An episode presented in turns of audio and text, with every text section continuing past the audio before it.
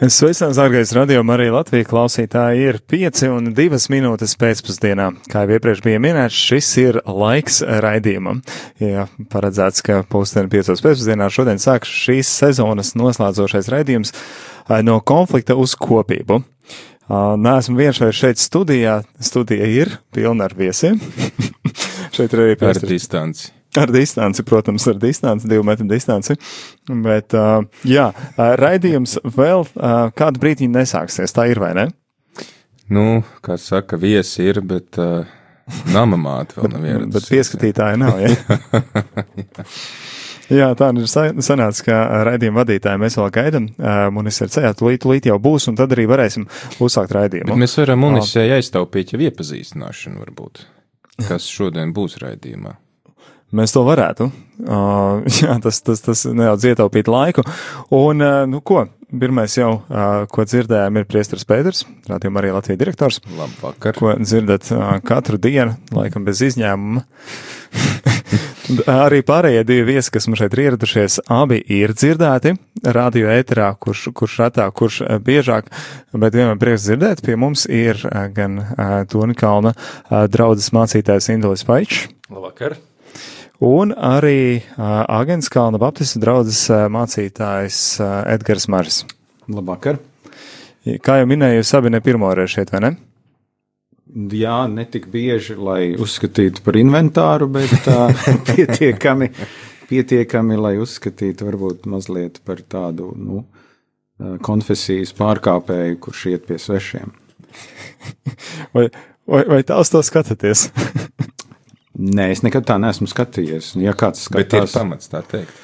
Nē, nu, ir jau cilvēki, kuri jebkuru sadraudzību ar citas konfesijas kristiešiem uztver kā apdraudējumu savai ticības identitātei. Tāpēc uh, es ar to rēķinos, bet, bet nu, tādus atklātus draudus neesmu piedzīvojis. bet, laikam tieši tāpēc arī mums šis raidījums ir ēterā, vai ne? lai, lai runātu par šiem jautājumiem, runātu par šo vienotību un lai šos maldus arī, arī izdzēstu, vai ne? Kā ir Indula ar tevi? Es arī esmu vairākas reizes bijis un jūtos ļoti priecīgs, ka tāda iespēja ir. Man jau liekas, ka tas palīdz katram atklāt arī pašam savu identitāti labāk. Šeit vienmēr esmu bijis priecīgi pārsteigts par to gaisotni, kas šeit valda un tādu sadarbības garu. Tā kā man tas liekas ļoti svarīgi. Tā kā priecājos. Priecājos arī par šīs dienas tēmu. Svētais vakarēdienas eharistija. Man liekas, tāds lielisks kopsavilkums ļoti daudz kam, ko mēs varam lasīt jaunajā darbā, un kas arī faktiski iezīmē visu to problemātiku cauri gadsimtiem, kas arī kristiešu starpā ir bijusi. Es jau domāju, ka katra konfesija, nu, svēto vakarēdienu vai eharistiju, viņas sargā kā lielu svētumu. Un tas varbūt ir tas iemesls, ka tā tuvināšanās šajā jautājumā nav bijusi tik pienācīga ātra. Nu, tā kā mēs, es domāju, ir varbūt tāds ļoti optimistisks viedoklis, nu, ka šeit virs zemes jau te, te būs tas brīdis, ja mēs varēsim viens pie otra iet. Un, un tad ir domāju, tā piesardzīgā lieta, ka nu, katra baznīca, man liekas, tomēr sargā to nu, savu izpratni par šo svētumu. Līdz ar to nu, varbūt tas ir kaut kādā ziņā cilvēcīgi attaisnojami. Kāpēc mēs varbūt baudām paši un, un citiem ļaujam paskatīties? Bet, ja nemaldos, janvārī uz Kristiešu vienotības nedēļas neatceros, tas bija ēterā šeit saruna, vai, vai mēs kaut kur atsevišķi runājām par to, vai mēs savas dzīves laikā piedzīvosim, vai nē, cik reāli ir, nu, mēs runājam par ekumenismu un tā, vai kaut, kaut kādu nebūt uh, vienošanos. Kaut gan tas dokuments, par ko mēs runājam, it kā jau parāda, ka ir kaut kādas vienošanās, bet kaut ko tādu, kas tiešām ļautu tā to re, reāli redzēt taustām. Es domāju, tur ir daudzi faktori. Es būtu mazliet skeptisks, ja tas jautājums attiektos uz to, vai būs situācija, kad visi kristieši atzīs kaut kā savstarpēji vienu mīlestību, kurš nu, tagad tiks arī vēl saukts par to mīlestību, ko Kristus toreiz iedibināja. Uh, Bet es pieņemu, ka tas lielais process, kas šobrīd pasaulē notiek, varētu nozīmēt to, ka veidojas divi virzieni, kur ir vēl ar vienu cilvēku, kuri uzskata, ka viņu kaut kāds dievgalds ir slēgts, un, un, un būs tādi cilvēki, es domāju, līdz laiku galam, kuri ļoti centīsies to robežu turēt, Bet varētu būt, ka ir kādas vienošanās, jā, kā jau tika pieminēts, kuras, kuras ļaus tiem, kas to gribētu, kuras ļaus tos tiltus veidot. Un es pieņemu, ka arī tādi cilvēki būs un, un ir jau tagad, kuri to sašķeltību redz kā problēmu. Jo ne jau velti mēs arī pašā jaunajā dēļā varam lasīt, ka, nu, piemēram, Jēzus laikā ir uh, ļoti respektējama tāda reliģiska organizācija, ne, bet nu, virziens, ko mēs lasām apzīmēt zem šī nosaukuma farizēji. Vārds par šīm, kā jūs zināt, nozīmē nošķirtie, tie, kas nošķirās. Un viņi ļoti skaidri uzskatīja, ka nevar sēdēt pie viena galda. Un tur nebija runa par svēto vakarieti, tur bija runa par vienkāršu, parastu, kā mēs teiktu, maltīti vai mīlestību. Nevar sēdēt pie viena galda ar cilvēkiem, kuri neievēro visus bauslības priekšrakstus, tā kā paši farizēji to saskatīja. Un viņu arguments bija tāds, ka Pirmkārt, tas ir nepedagoģiski, tas ir pedagoģiski nepareizi, jo cilvēks līdz ar to secina, ka viņam nav jādzīvo svēta dzīve, ja jau viņš var pilnā mērā piedalīties šajā svētumā. Un otrs ir, ka, nu, tu, kā tu vari sacīt vienu lūkšanu tur pirms tā ēšanas, vai ne? Tā bija tā viņa problēma, ka tu nevari to svētību līdzdalīt, ja pats cilvēks ar savu dzīvi kaut kā tam neatbilst. Un iepratī šiem cilvēkiem, kuri tātad ļoti ievēroja šo rituālo šķīstību un robežas. Es, protams, redzu, ka Jēzus uh, bieži vien viņiem likās kā tāds robežu pārkāpējs, ja, jo viņš sēdēja pie viena galda ar muitniekiem, grēciniekiem, ļāva tur pieskarties sev kaut kādiem cilvēkiem, nonāca kontaktā, devās mājās pie cilvēkiem, kas farizē izpratnē bija ļoti necienīgi. Un es domāju, ka šīs divas tendences arī cauri visam gadu tūkstošiem un gadu simtiņiem arī baznīcā ir kaut kā lūk saspēlējušās, kur viens ir, ka mums ir jātur tā tīrība, mums ir jādod ļoti skaidra liecība pasaules priekšā, kas mēs esam, un, un, un te tā mūsu identitāte veidojas, so to mūsu mīlestību. Mēs arī gribam robežas novilkt. Un otra lieta, ka Kristus pats mums sacīja, ka tās robežas tomēr būtu arī jāspēj pārkāpt un jāspēj kaut kā doties uz priekšu. Bet es domāju, tas pats agrākais jau ir korintiešu situācija, kur, kur no vienas puses mēs teiktu, tur nav teoloģija, bet bišķi tur ir arī teoloģija, kur, kur tas jautājums, nu, vai, kā tu izproti draudzi, ja, un kas tad īsti ir tas mīlestības, kur mēs kopā esam ka tur jau kaut kādā ziņā tā berze jau ir uh, uzreiz, jau liekas, nu, kristīgā baznīca ir tik jauna. Ja? Nu, nu, tur varētu teikt, tādā bērnišķīgā vientiesībā baudīt, ja? bet izrādās, ka ir kādi, kas, kas to izmanto ļaunprātīgi, nu, kas tā miesīgi. Jā, bet es pilnīgi piekrītu. Es tikai sacītu, ka mēs jau līdz šai dienai, ja mēs kādu cilvēku aicinām vakariņās, tas jau nekad nenozīmē, ka mēs vienkārši gribam ēst. Tas lielākoties nozīmē, es gribu būt kontaktā ar to cilvēku. Un vēl es uzdrošinos apgalvot, ka gluži kuru katru cilvēku uz ielas mēs arī savā vakariņu galdā neielūdzam, eh, un tomēr tur ir kaut kādi dabiski filtri. Un tā tas bija gan jūdiem, gan vēlāk arī grieķiem. Un rezultāts ir tāds, ka tas tiek pārnests vēlāk arī uz teoloģiskām domstarpībām. Jā, ja, paldies. Es domāju, ka mēs, Rihard, varam palaist kādu dziesmu, lai tad varētu dot iespēju mūsu redzējumu vadītājai atelpoties. Es, un... es, es domāju, ka vairāk kā esmu ir iedota šim redzējumam klausītājiem. Intro tāds ir, jā. Tas tāds garš ievadījums labi, lai eh, tēt iet dziesmu, un tad arī sāksim, vai, nu, var jau teikt, turpināsim redzējumu no konflikta uz kopību.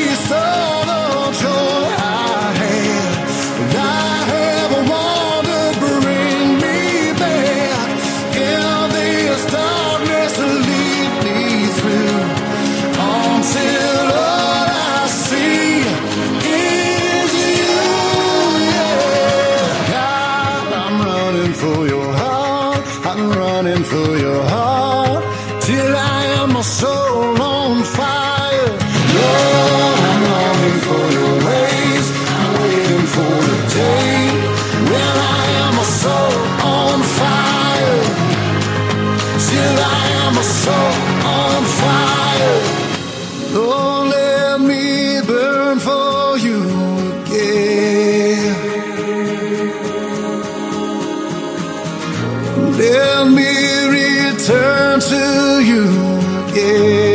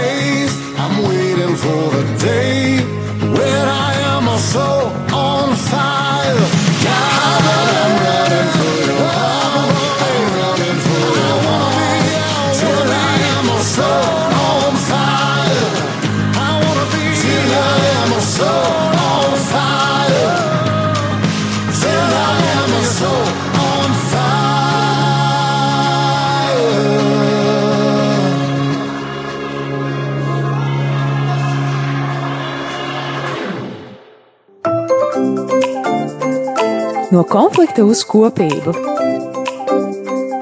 Katra mēneša 3. trešdienā, 2017.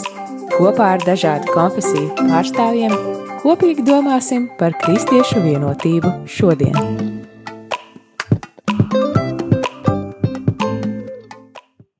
Mīļie klausītāji, nu, es priecīgi esmu studijā ieradusies, aizēlusies, ja kā jau Pēters teica, bet, nu, jā, laikam tēma ir ļoti svarīga, ka dažādi negaidīti kavēkļi ceļā, ceļā gadījās, bet, nu, es priecājos, ka var būt šeit un mēs varam turpināt šo tiešām svarīgo tēmu ceļā uz kopību. Es gribu atgādināt, mīļie klausītāji, ka jūs esat mīļi aicināti savus jautājumus sūtīt SMS veidā uz telefona numuru 266 77 272. Vēlreiz atkārtoju telefona numuru 266 77 272. Vai, ja jums ir ērtāk sūtīt uh, e-pasta veidā, sūtiet tos lūdzu uz studija at rml.lv. Vēlreiz atkārtoju e-pasta adresi studija at rml.lv.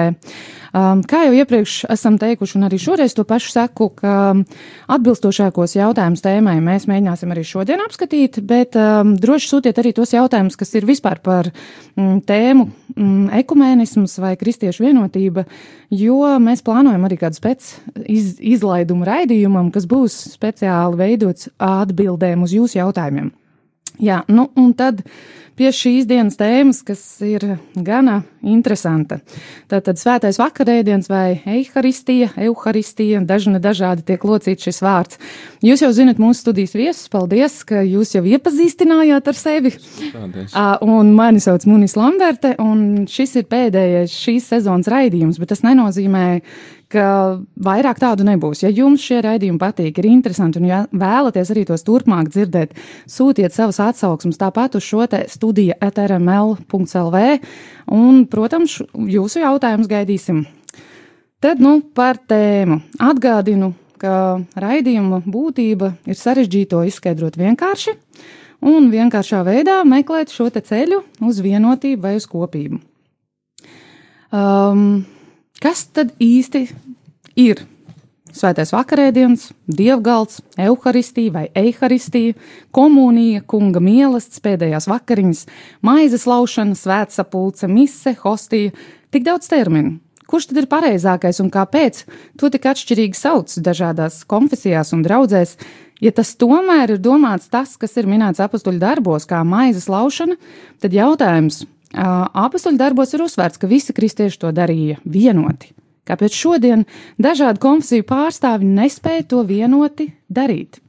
Tāds ir pirmais jautājums no kāda klausītāja, kas jau bija iesūtīts kādu laiku atpakaļ, un man šķiet ļoti labs ievads, lai mēs šo tēmu varētu sākt. Uh, ja jūs man piekrītat, mīļie studijas viesi, sāksim varbūt ar šo te vēsturisko skatījumu, kas tad vispār, uh, ko, ko reformācija izprat ar vārdu eharistija, mm, ko katoļi ar to izprot, kas tas vispār tāds ir? Nu, kā jau liecina šis jautājums, šie daudzie vārdi, tas parāda tikai to, ka cilvēki dažādās konfesijās, laikmetos un vietās ir mēģinājuši izteikt lietas būtību. Nu, tas centrālais vārds, kas baznīcā ir izsens lietots, ir tiešām evaharistija vai eiharistija. Tās ir vienkārši divas latviešu valodas eh, atveidojuma formas no grieķu valodas vārda, kura sākotnējā nozīme ir pateicība.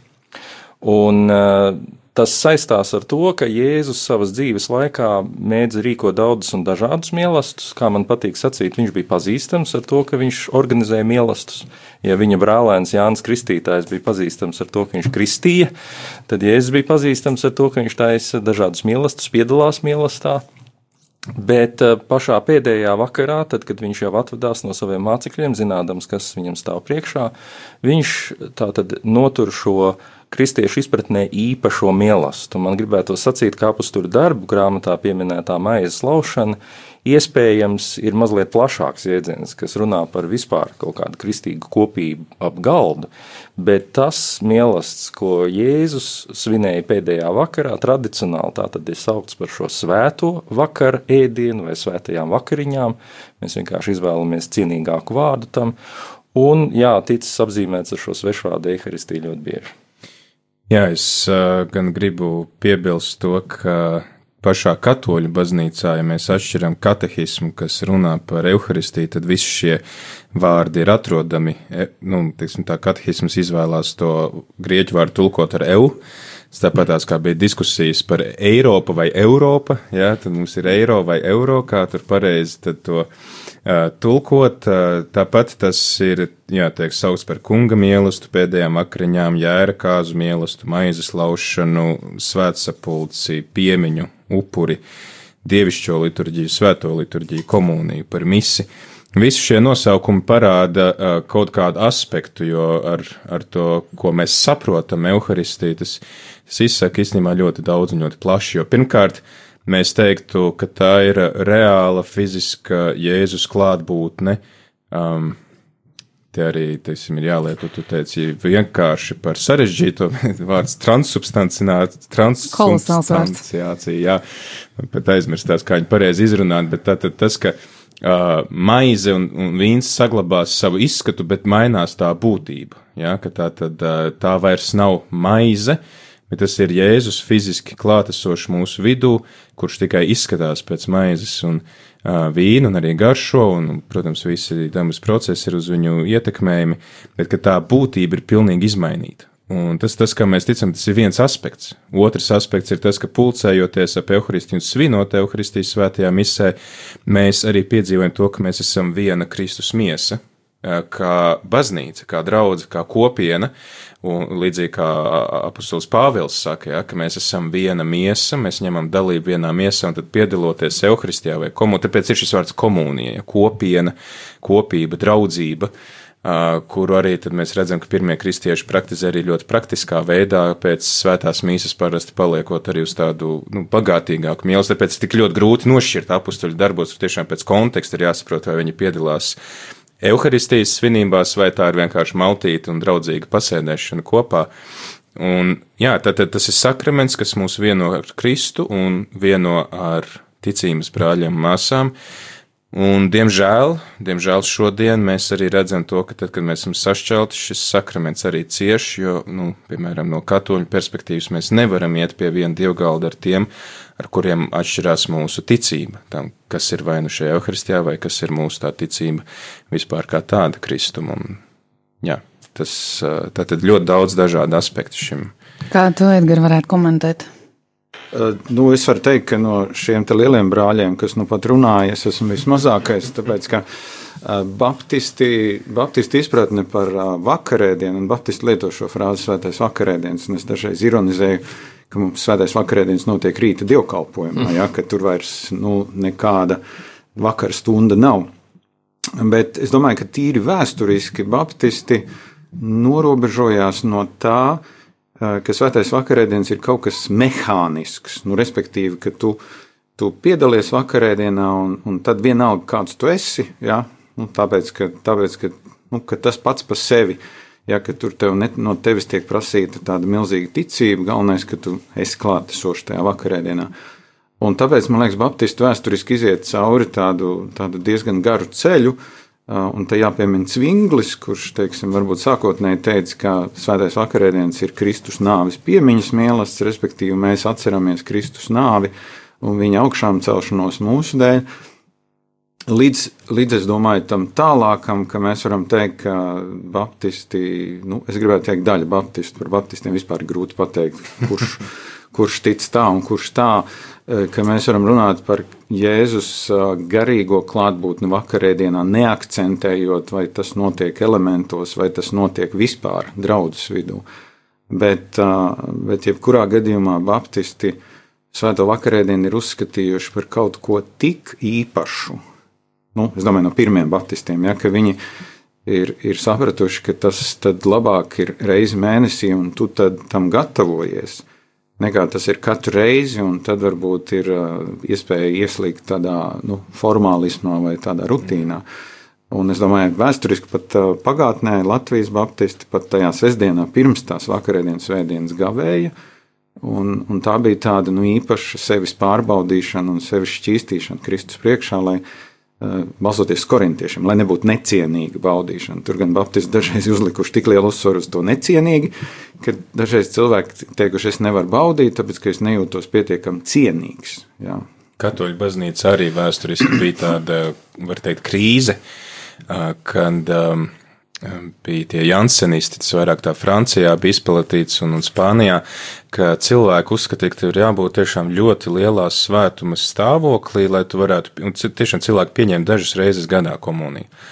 Un šodien, ar, īstenībā jau toreiz jau baznīca saprata, ka ne īstenībā tas ir kā ceļa maize, ceļiniekiem, kuriem ir vajadzīgs šis uzturs regulāri. Un, protams, ka mēs nekad nebūsim gana cienīgi, lai stātos Dieva priekšā, bet tāpat laikā nu, Viņš mūsu necienīgos cilvēkus ir pacēlis ar savu augšām celšanos un uzkāpšanu debesīs, Dieva augstumos, un mums ir, mums ir jāsteidzās pie komunijas, jo tā nav kaut kāda balva stiprajiem, bet tas ir tieši stiprinājums un iedrošinājums vājajiem iet tālāk. Protams, nožēlojot grēkus un, un sekojot arī tam, uz ko Edgars atsaucās 1. korintiešiem 11.27, ka, ja tu esi necienīgs, ja tu esi navīgiem grēkiem, sirds tev vispirms ir jānožēlo šie grēki un, un jāatgriežas, jo tu tomēr tuvojies pašam Kristum. Klausoties tajā, ko jūs stāstat, man gribās tādu kopsavilkumu. Vai šajā realitātē, par kuru mēs vienojamies šobrīd, kas tad ir evaharistija vai evaharistija vai svētais vakarēdienas, Jēzus Kristus ir reāli fiziski klātesošs vai nav? Nu, man kā Lutānam jāsaka, īsa atbilde ir, ka jā. Protams, ka tiklīdz jūs lietojat vārdu fiziski klātesošs, man iedegās daudzas sarkanas lampiņas attiecībā par to, ko mēs īsti sapratīsim ar šo lietu. Jo, ja mēs iedomājamies, kā apēdot oblati, man ir ienācis viens grams Kristus, kurš tagad turpmāk kaut kā tur manī cirkulē, tad man liktos, ka no teoloģijas viedokļa tas nav gluži arī tas, ko mūsu sentēvi mēģinājuši mums pateikt. Bet eh, jau pieminētā transubstanciācijas mācība, kas ir būtībā 13. gadsimta sākuma Latvijas koncila eh, formulējums, viņa mēģina tieši to nosargāt. Tieši to, ko jūs sakat, pateikt to, ka vakarēdiena realitāte nav atkarīga, eh, un te man mazliet jāuzmanās neaizvainot to, kas iepriekš tika teikts. Vakarēdiena klātbūtne nav atkarīga no tā, ko tu domā vai nedomā kā indivīds, kas, piemēram, garām gājis, esi ienācis šajā mīlestībā. Es to parasti salīdzinātu ar to, ka, ja, piemēram, mēs ar jums satiktos kāzu mīlestībā vai, nedod Dievs, bērnu mīlestībā, eh, tad nevarētu būt tā, ka, piemēram, mēs sanākam bērnu mīlestībā, lai pieminētu kādu cilvēku, un pēkšņi kāds ienāk un viņš saka, bet es to svinēšu kā kā mīlestību, ar lielu jautrību. Nē, nē, tas mīlestības definē to, kas viņš ir. Un šādā nozīmē baznīca visos laikmetos ir mēģinājusi sacīt un apliecināt, ka mūsu pārliecība ir, ka piedaloties šajā mīlestībā, mēs patiešām reāli sastopam Kristus klātbūtni, Un šī klātbūtne ir neapšaubām saistīta ar konkrētajiem elementiem, ar to, ka tas ir tiešām maize un vīns, tieši tas, ko toreiz Kristus darīja. Un līdz ar to viņš ir klātesošs, viņš ir reāli klātesošs. Un vēlreiz es sacīšu, piemēram, tā kā apustulis Pāvils saka, vai es nedzīvoju es, bet manī dzīvo Kristus. Mm -hmm. Ko viņš ar to saprot? Ja? Cik fiziski viņš to saprot? Nu, tad tieši tikpat fiziski Kristus ir klātesošs arī vakarēdienā. Tad maize un vīns, ā, nākamā tēma. Tā ir reāla vai pārnesta forma? Man liekas, ka, man liekas, ka šeit vajadzētu precizēt, ka to, ko pateica Induls, tas uh, vairāk tad saskanētu arī ar to, ko katoļi māca un kā katoļi izprot uh, svēto vakarēdienu vai, vai evaharistiju.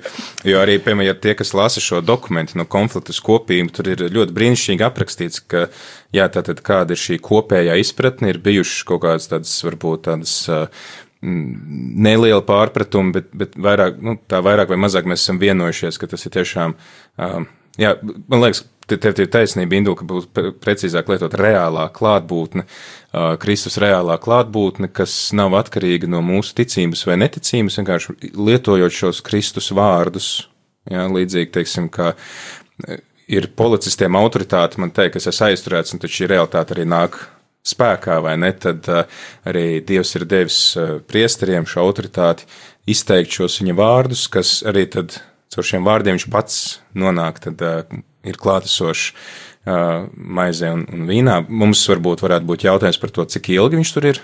Jā, vai, teiksim, pēc svētās misijas svinībām, pēc evaharistijas svinībām viņš vēl tur ir vai nav. Bet man liekas, ka Edgars droši vien varētu teikt, ka viņš neparakstās zem tā visa, jo baptistiem varētu saki, būt Edgar? atšķirīgāk. Paraksties, neparaksties? Nē, nu, viens ir, ko es saku, un otrs ir, ko saka viena vai cita baptistu draudzene. Un, un man šeit tas spektrs ir, ir tiešām ļoti bagāts. Uh, Un būs baptisti, kas teiks, ka viņi neparakstās ne zem luterāņiem, ne zem katoļiem. Bet, bet klausoties, ko Induls teica, es domāju, ka tas uh, vienojošais tomēr visās trīs konfesijās ir Kristus klātbūtne. Un, un tur tieši tāpatās, kā nevar to izskaidrot, ko tas nozīmē fiziski klātesoši. Ja? Man liekas, tas ir noslēpums. Un, ja tas ir noslēpums, tad mēs to kā noslēpumu arī uztveram. Un man šķiet, pēdējos, varbūt, nezinu, 20, 30 gados Baptistu izpratne vismaz Latvijā par Svēto vakarēdienu ir daudz virzīta vairāk uz, uz to, kā, kā lielās baznīcas par to domā. Un daudz mazāk uz tādu, nu, ziniet, tas tāds piemiņas mīlestības, mēs te kaut ko atceramies, un tad ejam mājās. No savas bērnības es atceros, ka, ka cilvēki ar tādu pietātu un bijību gāja pie dievgalda. Tur, tur cilvēki vienkārši uz ceļiem raudāja. Un es kā puika nesapratu, kāpēc. Nu, tur bija atkal tas, tas zin, grēku nožēlas moments, pa daudz man šķiet, nebija tā svinēšana. Nu, tādā ziņā. Jo, jo tas ir vēsturiski bijis īstenībā liels tāds uh, strīdu sābols par to, uh, vai tas ir upuris, un ja tas ir upuris, jo, jo te tikko jau mēs atceramies, ja jūs pēdējās vakariņas, vai tā ir atcerēšanās, vai tomēr tā ir arī tāda reāla klātesamība? Tajās pēdējās vakariņās, un vēl vairāk tajā upurī, kur Jēzus atdod savu dzīvību, un, un pat vēl vairāk mēs sakām, ka arī tajā viņa augšām celšanās notikumā, ja, ka mēs sanāk izdzīvojam šo lieldienu trīdījumu, lielo ceturtdienu, piekdienu un augšām celšanos vienā šajā Euharistijas svinēšanā. Un, un tas arī ir, te, teiksim, šis dokuments saka, piemēram, katoņu lutrāņi, bet es pieļauju, ka tie arī nav visi lutrāņi droši vien, kas ir vienojušies par to, ka tātad mēs pieminam šo notikumu, vai mēs, teiksim, esam reāli klātesošajā vienīgajā upurī, bet viņš tā kā, nu, es, jā, nedrīkst teikt atkārtojam, jā, bet mēs esam klātesoši tajā, kas notika tur pirms 2000 gadiem. Un, un daudziem tā ir bijusi problēma, ka kā jūs tagad atkārtojat, ja Kristus vēlreiz mirst, vai Man mazliet jāpaskaidro, ka tas centrālais luteriskās teoloģijas jautājums šeit ir sekojošs. Vai svētais vakarēdiens ir dieva darbs un dieva dāvana, ko viņš dod mums, un tas virziens ir no viņa uz mums, un mēs vienkārši esam saņēmēji? Labi, tur ir mācītājs vai priesteris kā instruments, bet būtībā tas ir dieva darbs.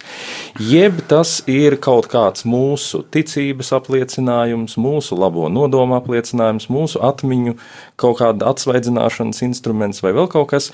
Vai upuris tajā mūsuprāt ne labajā nozīmē, ka es tagad pienesu kaut ko bez maz vai dievam. Nu, tādā ziņā, ka es te tagad to maizi vai ko tur viņam veltīju, un tad nu dievs ir priecīgāks par to. Un luterāņiem ļoti, ļoti bija no svara uzsvērt, ka uh, vakarēdienas ir tātad viennozīmīgi dieva žēlstības instruments, tas ir dieva žēlstības darbs un izpausme, mēs esam saņēmēji. Un tāpēc toreiz tas uzsvers uz to, ka, nu, katrs vakarēdienas pats par sevi ir tā tāds atsevišķs labs, labs elements, un jo vairāk to darīs, jo tas būs labāk, tas tika kritizēts. Un es domāju, kā rāda šis brīnišķīgais dokuments, tad šobrīd, eh, domāju, mēs visi esam iemācījušies lietot teologu, es domāju, vismaz esam iemācījušies lietot precīzāku valodu. Piemēram, vācu luterāņu teologu aprindās tiks lietots interesants jēdziens kā reāls simbols.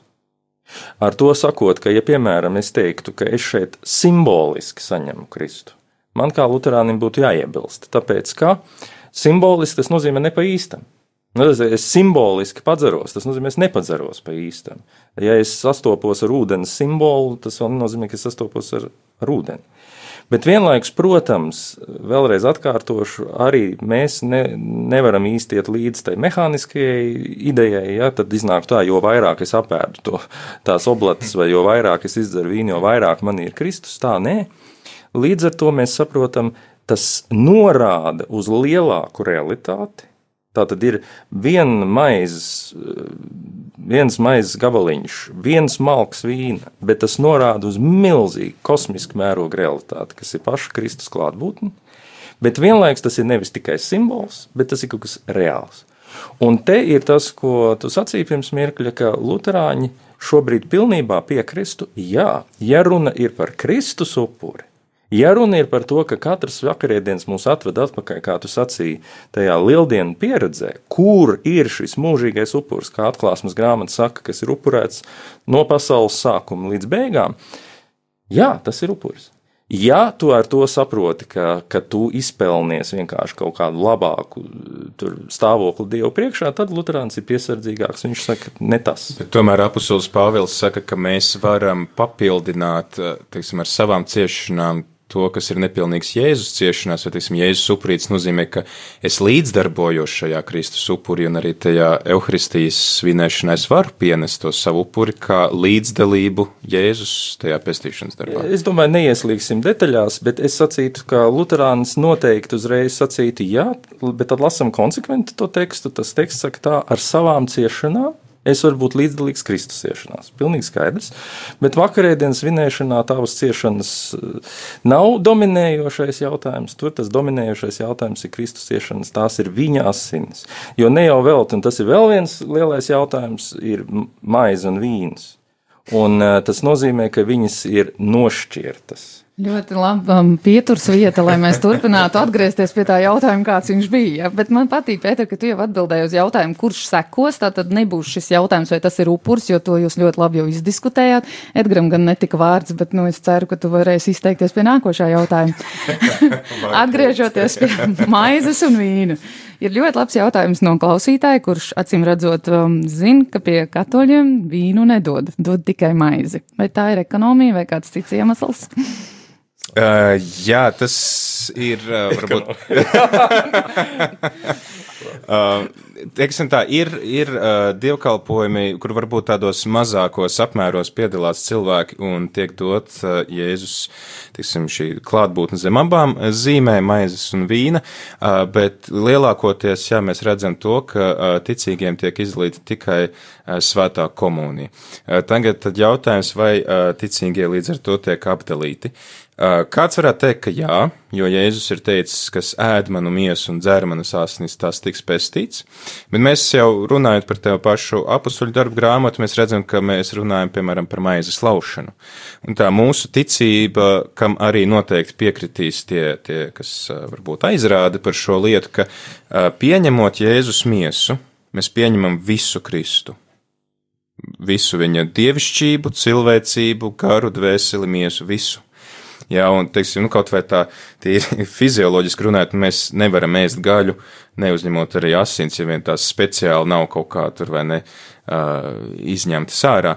Tā kā mēs, mēs katoļi, jā, ir, teiksim, bijis vēsturiski kaut kāds šis praktiskais apstākļus gan pie uzglabāšanas, jo, ja, piemēram, to konsekrē par daudz uh, šos maizes gabaliņus, komunikantus, tos mēs varam ielikt tabernākulā, tie var stāvēt baznīcā, un tu vari viņus nākamajā misijā, izņemt ārā. Vīnu jau, nu, tad tev ir kaut kāds jau tur leduskapis jāierīko, jā, ja tu esi gadījumā pa daudz konsekrējis, un ne visi uzņem. Un arī otra lieta, tomēr arī svētajos rakstos mēs atrodam tādu, varbūt netiešu, teiksim, tādu attaisnojumu savai izvēlē. Tas ir Jāņa Evanģēlijas sastā nodaļa, kur Jēzus runā gan par to, ka tas, kurš ēd manu miesu un dzer manas asinis, bet, piemēram, gan 35. pāntā Jēzus saka, es esmu dzīvības maize, un kas nāk pie manis, tas nesalks, un kas tic tam nemūžam neslāps, vai, piemēram, 51. pantā, es esmu dzīvā maize, kas nākusi no debesīm, kurš ēd no šīs maizes, un viņš te lieto tādu ļoti brutālu vārdu ēst, to trogēni, kas tā kā tāda košļāšana, žļambāšana, jā, tam tas dzīvos mūžīgi, vai, piemēram, 58. pantā, tā kā Jā, ir, mēs teiksim, tā ir leģitīmi abi šie varianti. Tie, kas grib, var dot zem maizes un vīna zīmēm, tie, kas grib palikt pie maizes, tie neapdala cilvēkus, jo cilvēks vienalga uzņem visu Kristu ar visu viņa dievišķību, ar visu viņa cilvēcību, ar visu viņa garu, dvēseli, miesu. Arī šajā uh, komunijā maizes kapelā. Nu, ļoti labi atbild, Pēter. Paldies. Paldies. Un, Edgar, varbūt tu vari pastāstīt, kā tad tas notiek pie baptistiem? Maize, vīns vai tikai maize vai tikai vīns? Vai sula? Vai sula varbūt, jā. Es domāju, ka baptisti ir joprojām dalīti tādā ziņā, nu, protams, ir maize un vīns, un ir maize un vīnoga sula. Tas ir atkarīgs no katras draudzes, varbūt individuāli. Nav tādas kopējas vadlīnijas, ka tikai vīns un maize vai tikai sula un maize. Un, un tam ir arī kaut kādi, es domāju, tīri tādi, varbūt vēsturiski aspekti, Eh, ņemot vērā to, ka tad, kad Baptisti pirms 160 gadiem Latvijā ienāca, tad viena no tām problēmām, ko viņi redzēja, bija šī, šī alkohola problēma. Eh, un, un tāpēc varbūt Baptistu izpratne par alkoholu ir bijusi vairāk atturības virzienā, un līdz ar to tas ietekmē arī vakarēdienu. Eh, es domāju, te ir vēl viens aspekts, ka ir cilvēki, kuriem alkoholisms ir problēma, un kuriem varbūt pat šis mazais vīna daudzums vakarēdienā var būt uh, kritisks, lai viņi kristu atpakaļ. Uh, bet uh, nu, šai ziņā varbūt vairāk krievu baptistu draugzēs tur viņi lieto vīnu vakarēdienā, latviešu draugs vairāk lieto vīnogu sulu. Mēs neesam tā, ziniet, teoloģiski tagad uz vienu pamatu, jo Baptisti ir brīvbaznīca, līdz ar to katra draudz rīkojas saskaņā ar savu izpratni par šiem elementiem. Bet Baptistiem ir leduskapis, tad es saprotu. Mm, nu, zini, nu, nē, nē, nē, nē, nē, Baptistiem nav leduskapis. Baptisti patiesībā šos elementus pēc tam izdala draudzes locekļiem, kuri tos arī tad, uh, hmm. paņem mājās un apēd. Tas varētu būt risinājums, Pēter, jums nākotnē. Nu, to jau baznīca pazīst zem nosaukuma postkomunija. Komunija. Mm -hmm. Bet es sacītu tā, ka nu, es vēlreiz no savas puses tikai piebildīšu, ka savā laikā viens veids, kā paskatīties, kas vispār notika reformācijas laikā caur Lutera darbību, bija, atcerēsimies, viņš bija klostera brālis, viņš bija mūks. Un lielā mērā viņš iz, iznesa sabiedrībā, sava laikmeta kristīgajā sabiedrībā, iznesa laukā to pieredzi, kas viņam bija. Un, piemēram, tajā klosterī būdams, viņš eh, lasīja rakstus, viņš eh, regulāri saņēma svēto vakarēdienu, tā skaitā zem abām zīmēm. Un tas ir tas, kas viņam likās ļoti svarīgi. Es dzirdēju to, ko Pēters teica, bet es sacītu, ka droši vien arī neviena katoļa mise netiek svinēta bez biķera klātbūtnes. Līdz ar to te ir tas, te ir tas moments, ka tur jau tas vīns tomēr vienmēr ir. Jautājums ir, ka viņš netiek dalīts cilvēkiem. Katrā un, gadījumā tas dievkalpojums mums nebūtu derīgs, jo, jo tas ir tas pēdējo vakariņu jā. piemiņa, kur Jēzus teica, ēdiet un dzeriet. Jā, tā, nu, lūk, jābūt, tieši tā, un līdz ar to, lai kā mēs tur teoloģiski, teiksim, atkal mēģinātu to lietu apiet, tas bija tā Lutera ideja, ka mēs tomēr sacīsim, ka mēs dalīsim abus divus šos elementus, apzinoties, ka tur ir pieminētie pastorālie uh, jautājumi, tādi drīzāk gan uh, tīri praktiski, tur var noliet kaut ko, kaut kas tur var noiet greizi, tur var būt, var būt lielāks risks arī tā skaitā kaut kādām tur infekcijām un tā tālāk. Tagad mēs gudri būtu to tā spriest. Bet, eh, tās abas lietas ir vajadzīgas. Un, uh, asins un miesas nošķirtība, es vēlreiz atkārtošu, ir viens no galvenajiem upura viena no galvenajām upuru pazīmēm. Un tāpēc tas ir tas interesantais, ka jā, Jēzus nevis vienkārši iedod maizi, bet viņš iedod maizi un, un šo biķeri. Uh, jā, es piekrītu. Būtībā maizē viņš ir viss klātesošs. Es tieši tāpat sacītu arī savā asinīs, viņš ir pilnībā klātesošs.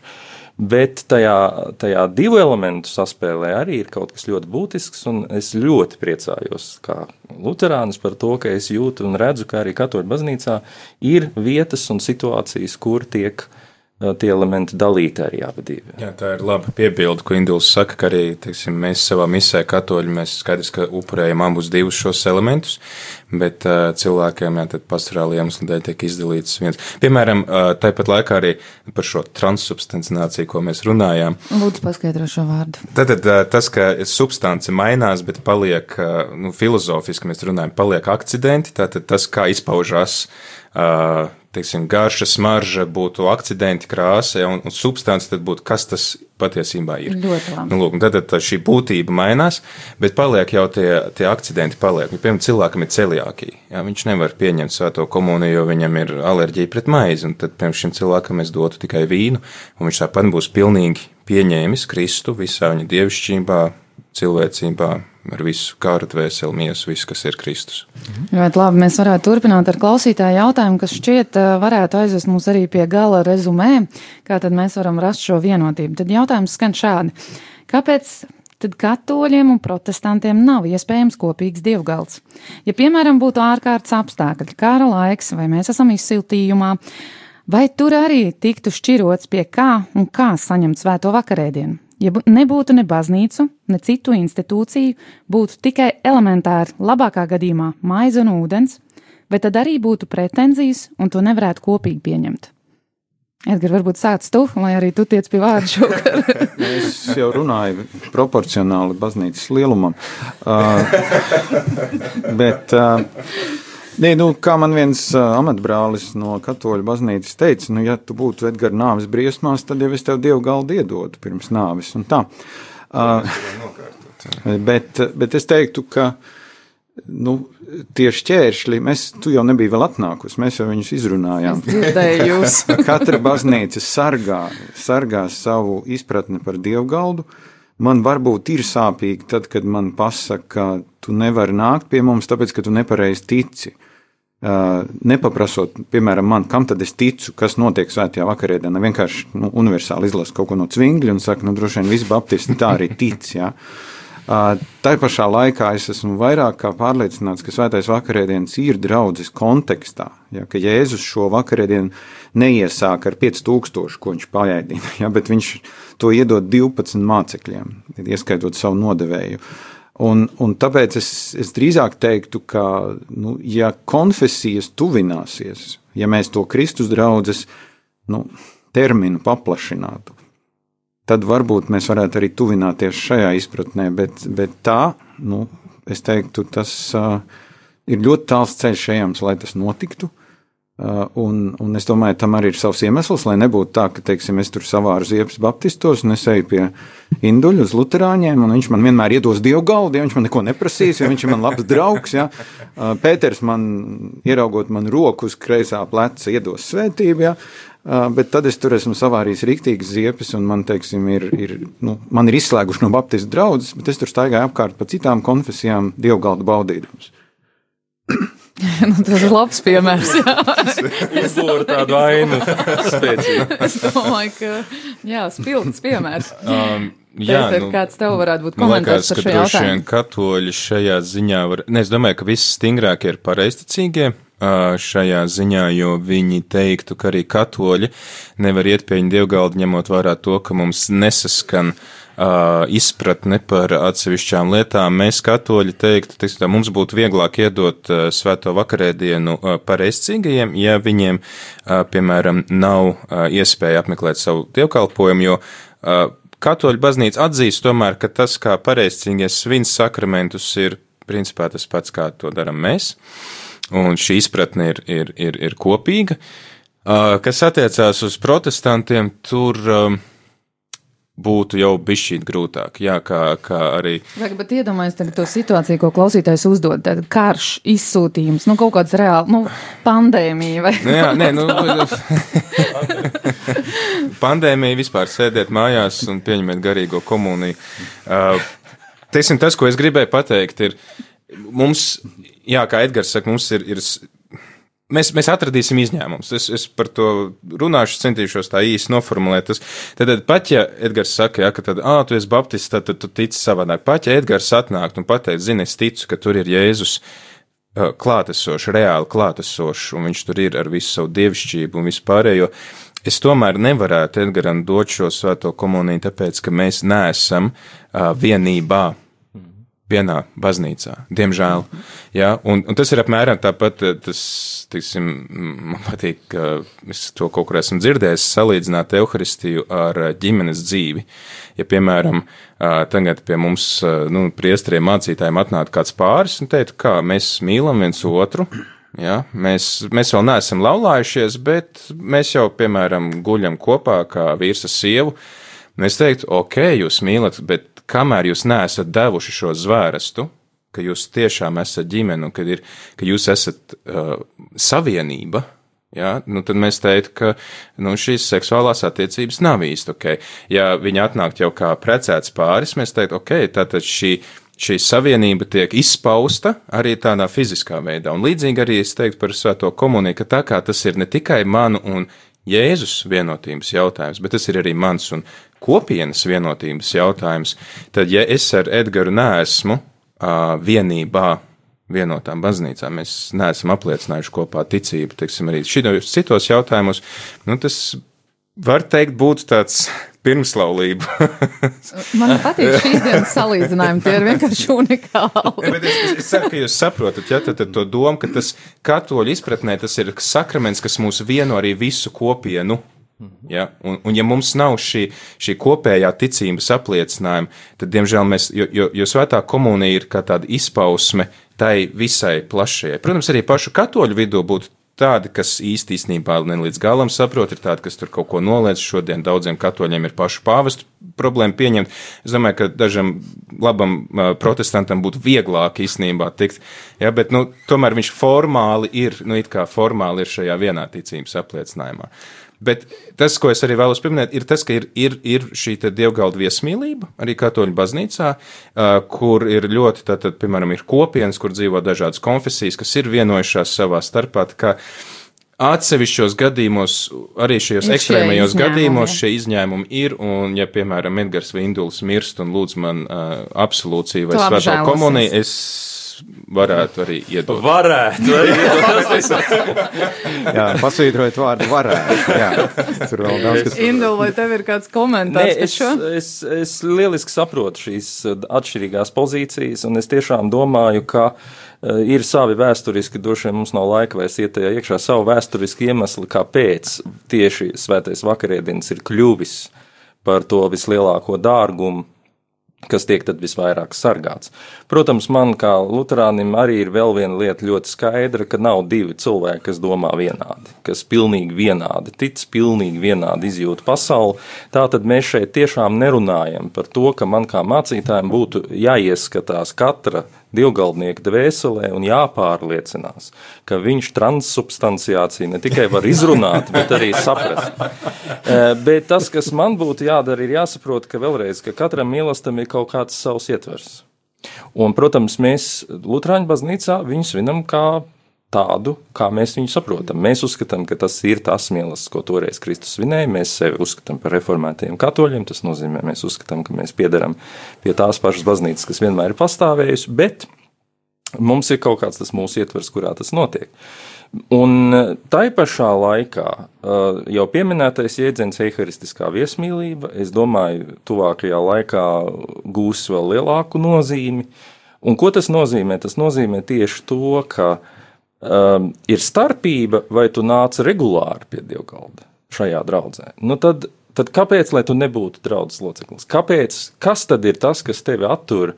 Pateikt, tai, lietojot Pētera piemēru, tam partnerim vai partnerei pateikt, ka tu esi mans un tu esi mana uz visiem laikiem.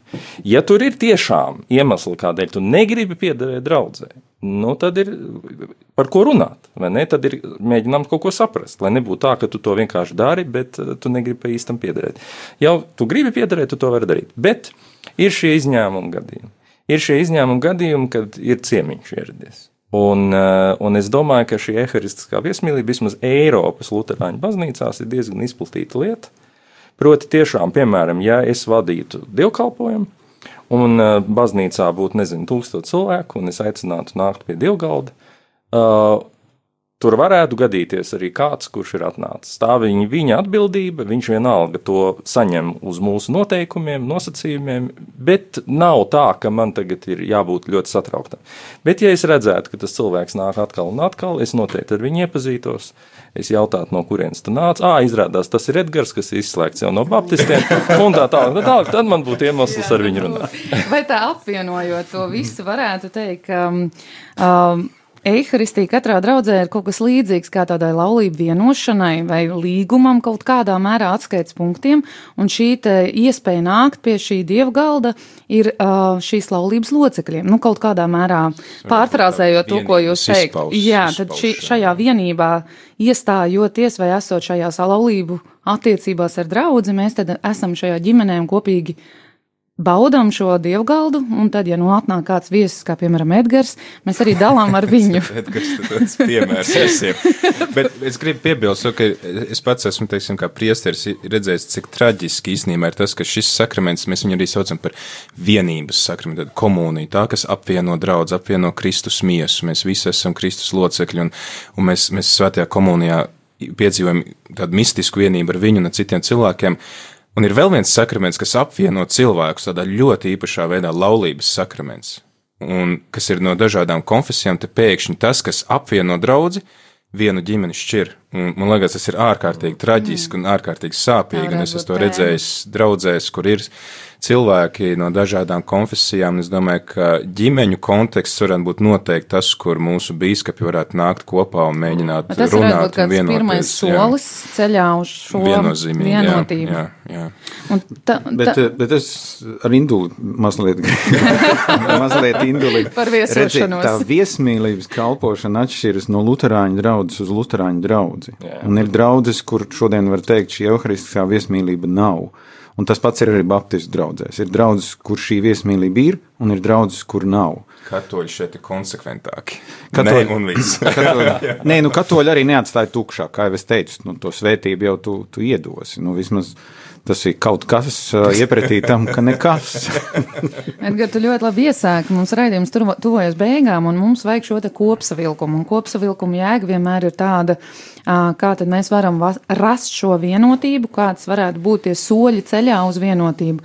Tad varbūt tu vari arī tādu rezumē par šo tēmu, kā tu domā, un pēc tam arī pārējie dalībnieki varētu izteikties, kas varētu būt šie soļi, tādi loģiskie soļi tuvākā nākotnē, ko jūs no savas puses varētu ieteikt, vai kā jūs redzat to, kas varētu mūs vienot pie šī dievgalda?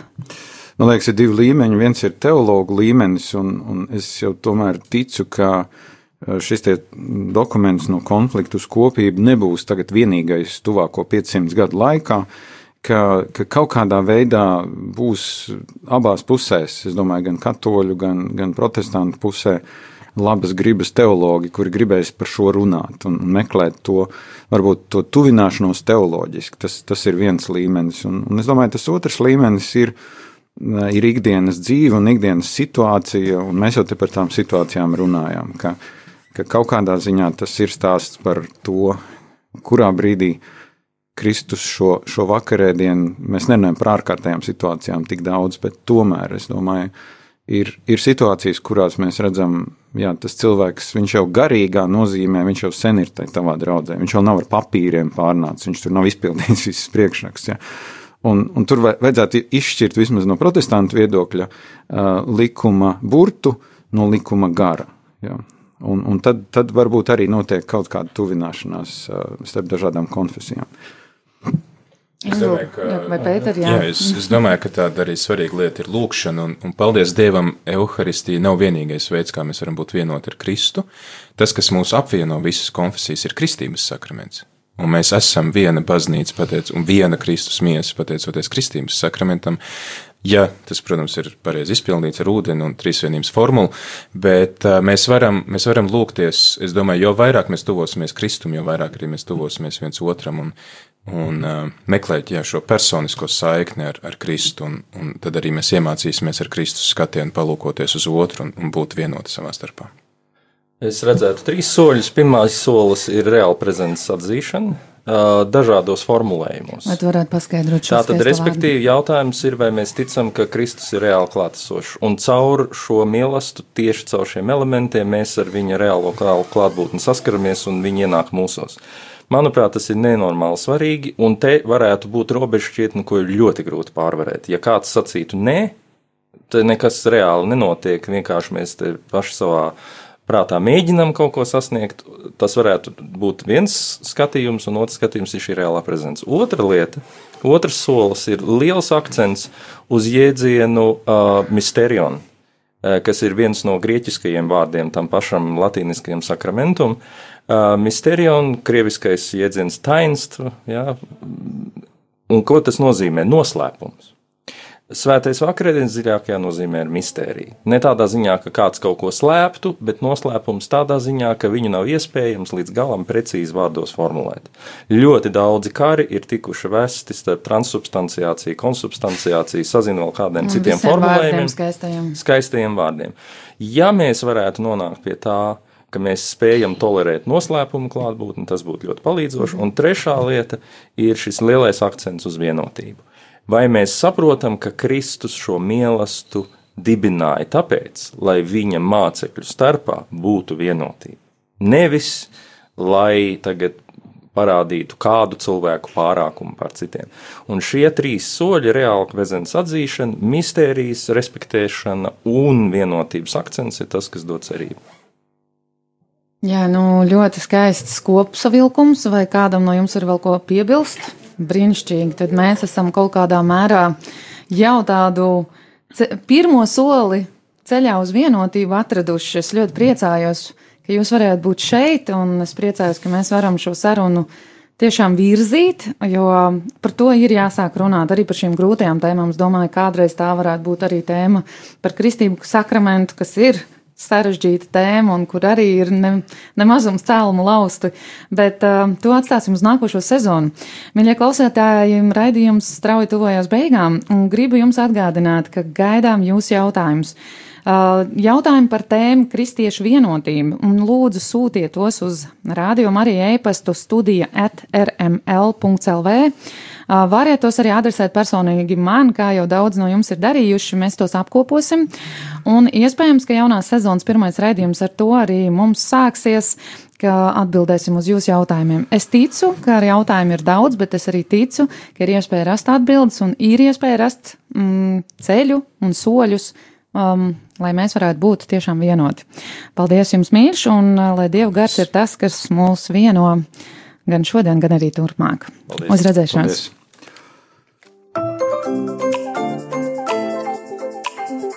No konflikta uz kopību. Raidījums par kristiešu vienotību.